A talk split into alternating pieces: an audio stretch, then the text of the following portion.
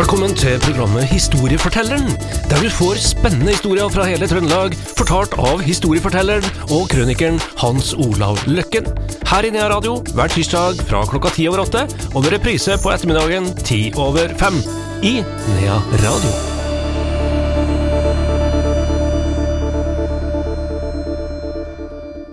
Hans Olav Løkken, velkommen tilbake. Eh, Jeg har bedt deg fortelle meg litt om Griffenfelt. Ja, Griffenfeld er en eh, litt merkelig person i, i vår historie, da. Eh, vi fikk jo han ufrivillig, mer eller mindre, til Trøndelag. Det var jo eh, slik i eh, 1660, da, Fredrik den eh, tredje og Kristian den femte, de innførte jo det vi kaller enevelde i 1660. Da innfører altså Fredrik enevelde, og enevelde betyr at kongen, jeg, har all makt. Han satte altså krona på sitt eget hode, som en symbolikk på at han hadde bare én over seg, og det var Gud. Før så var jo presteskap eller biskoper og sånn som vanligvis setter krona, og signa med alt det her, da. Så i og med at de innførte enevelde, så sparka de jo er eh, her, og han, han Fredrik 3. og Kristian 5. de innførte en ny adel, lojale offiserer. Altså mine mennesker. Så de utnevnte den ene etter den andre, men de hadde jo ikke penger å betale med.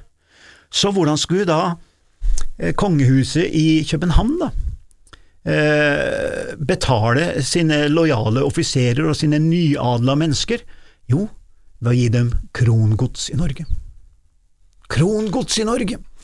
Derfor så kom det mange av de her offiserene med tyske og danske navn inn i Norge, og som vi har i Gauldalen, vi har det i Neadalsføret her, og som har overlevd i flere hundre år, som stammer fra den gjengen der, da, og den mest kjente er jo general von Scholz, da. Og disse kom hit til Trøndelag og fikk gårder, og i Trøndelag var det også kvinnfolk, pussig nok, så dermed så fikk de både gård og kjerring, og de kom vekk fra fronten på kontinentet, de kunne ikke bedre ha det, og ble værende her, og er da våre, i gåseøyne, forfedre i dag, mange av dem. Men det er klart at kongen hadde store problemer, og det var lett for en del sånn politikere å kanskje overta makta. Det er jo ofte sånn at statssekretærer og mange som ligger bak, er vel de som kanskje styrer mer eller de som er i front her. Og dermed så kom det et sånt triumvirat, altså det var tre stykker som gikk i lag. Det var en som het Fredrik Gyldenløve. Gydenløve. Gydenløve er da vanligvis et eh, navn som kommer eh, fra eh, at du er uekte unge. Er født altså utenom ekteskap og innenfor en kongelig familie. Han var da stattholder i Norge, altså kongens representant i Norge. Han går i lag med en storgodseier som heter også Fredrik, Fredrik eh, Alenfeldt, og så var det en sønn til en vinhandler. Altså helt lavt nede i hierarkiet, ikke sant, ikke noe tendenser til noe blått blod i hele tatt, men lavt der nede, akkurat som vår egen Karl Johan, eh, som var, kom fra Bernadotte, som var var eh, sønn til en vanlig offiser, og som da er forfedre til vårt eget kongehus i dag. Så han herre, sønnen til vinhandleren, han het Peter Schumacher, og han var litt eh, mer aggressiv og tøffere enn de to andre, og triumferat det har ikke sjanser til å overleve vanligvis, så det, han utkonkurrerte de to, og overtok som ene, ikke konge, men som utnevnte rikskansler. Han utnevnte seg til rikskansler, og når du blir sånt maktmenneske, så skulle hun selvfølgelig adle seg sjøl, så han fikk da slått seg sjøl til, til, til, til, sånn adelsmenneske, og fikk eh, Tønsberg eh, prosti, da, som er sånn grevskap, som det het i gamle dager, og han tok navnet Griffenfeldt. Og denne Griffenfeldt, da, som vi kjenner i trøndersk historie, han kjørte så hardt der nede, da, han parkerte omtrent kongen, ikke sant, rikskansler, kjørte folket, og ble ganske upopulær etter hvert. Og det er jo slik at til slutt så gjør noen opprør, bare de har noen ledere. Og de gjorde opprør, og skulle da henrette han herre Griffenfeldt. Så Griffenfeldt han ble altså dømt til døden av folket der nede, som da fikk med seg kongen på, på, på det her. Og den 6. juni i 1676, klokken seks om morgenen, så ligger han på skafottet, Griffenfeld. Og bødelen har allerede løfta sverdet, og skal slippe sverdet og kutte hodet av den, men da kommer det inn en i, inne i For det var jo innendørs henrettelse der. Så kom det inn en, en eh, representant for eh, kongen, en general eh, Jacques, og ga kongens pardon. Så han Benådning. benådning. En benådning der, så han skulle da gjøres om til livsvarig fengsel.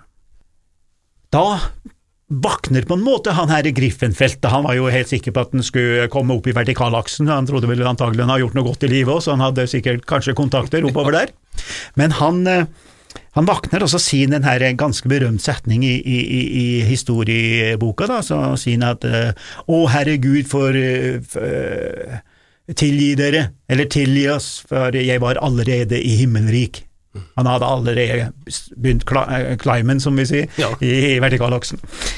Og eh, da en, eh, ble han satt inn i, inn i et vaktrom der, ja. Han satt vel i tre og et halvt til fire år.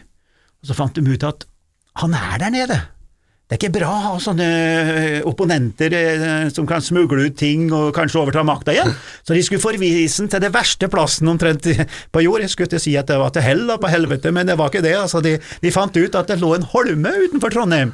Da, Nidarholm, som da senere er blitt kalt Munkholmen, og de gjorde om det der da, til fengsel. Og mye av Nidarholm, eller Munkholmen, er jo da henta fra Steinvikholm, altså stein og sånn. Så de den i, skulle sette den i fengsel der, da, for å virkelig forvise den hvor den ikke kunne få makt. Og da var det en stjørdal som fikk i oppdrag med sitt skip, som het Antoinette, å dra ned til København og hente den og føre den til Munkholmen. Og han stjørdalingen, som da har blitt stjørdaling, han var het da general von Schultz, som vi skal komme tilbake til senere, og som er den kanskje største personlighet når det gjelder utbygging av, av eh, Værnes hovedgård og Stjørdals historie. Meget kjent i, i, i, i trøndersk historie, han general von Schultz. Der, så han henta Griffenfeld, og så måtte jo noen passe på ham. Og da fikk de tak i en oberst som het Hans Kuhn, han var også stjørdaling, da fra Voll gård, så han passa på han her med stor tropp av militære, en enkel eh, fange, som gikk, det heter seg at den gikk naken med en slåbrok, da, og, og gikk rundt og rundt og rundt, og det, det, det heter seg jo på i tradisjonsfortellingen at den, at den gikk med fingeren eller noe sånt, så han gikk rundt og rundt et bord, og til slutt så valgte det en ring på det bordet, og det ble vel vist fram av turistene, nå, nå skal jeg være litt forsiktig, men det er blitt meg fortalt av noen guider inne i Trondheim at at de visste rundt eh, det, det her bordet med den ringen til, til amerikanere og tyskere og sånn, som da trodde på dette her, og, og, men så hadde det vel kommet opp de siste årene at det var et ganske så nytt bord, som noen hadde satt noe ring på en og sånn, så det var vel ikke bord fra 1600-tallet da. Nei. Nei, men det der er jo jeg trodd helt til nå. Ja, det er jeg, jeg også trodd, da, men de, de påstår at det er liksom litt sånn uh, turisttrikk, da, uten at jeg skal kunne dokumentere det, men det er i hvert fall blitt fortalt meg, da. Men så er det det at han herre Hans Kuhn, han som er obersten, da, han dør, og da da har Griffenfeldt sittet i 18 år, da, der ute, som satt altså vokta på ett menneske i 18 år der ute på den der eh, holmen, da. Når Hans Gyn dør, så ble han herre, Griffenfeldt, flyttet inn til ei leilighet inne i Trondheim by, til Anna Ramus, og Anna Ramus hun er datter til Kuhn, så det er bare forfølger familien, altså. Og for å få en liten annen avslutning på dette her, eller akkurat Griffenfeldt, så er det litt interessant med å være Anna Ramus, for hun var gift med en som het eh, Melker eh, Ramus, da. Og han fikk, hadde fått i oppdrag, eller han hadde vel innynda seg med kongen i eh, Danmark, så han skulle tegne karter over Midt-Norge. Og det ble gjort, og det her er veldig interessant, fordi han har antagelig tegna de første virkelig store karter over Midt-Norge, og han skulle da få tiende fra Fosen fogderi, som senere ble kalt Stjørdal fogderi, tiende, altså 10% i skatteinntektssystemet, for så gjør det her for kongen. Og han herre Melker Ramus, da, inne i Trondheim, tegna karter, delte dem opp med store, flotte karter, og nederst på kartene så har han beskrevet hvordan de ulike deler av Trøndelag var, og det er det første vi har i norsk historie, og som er et sidesprang fra Griffenfeldt. Til slutt, eh, Hans Olav, hvordan gikk det med mannen i slåbroken?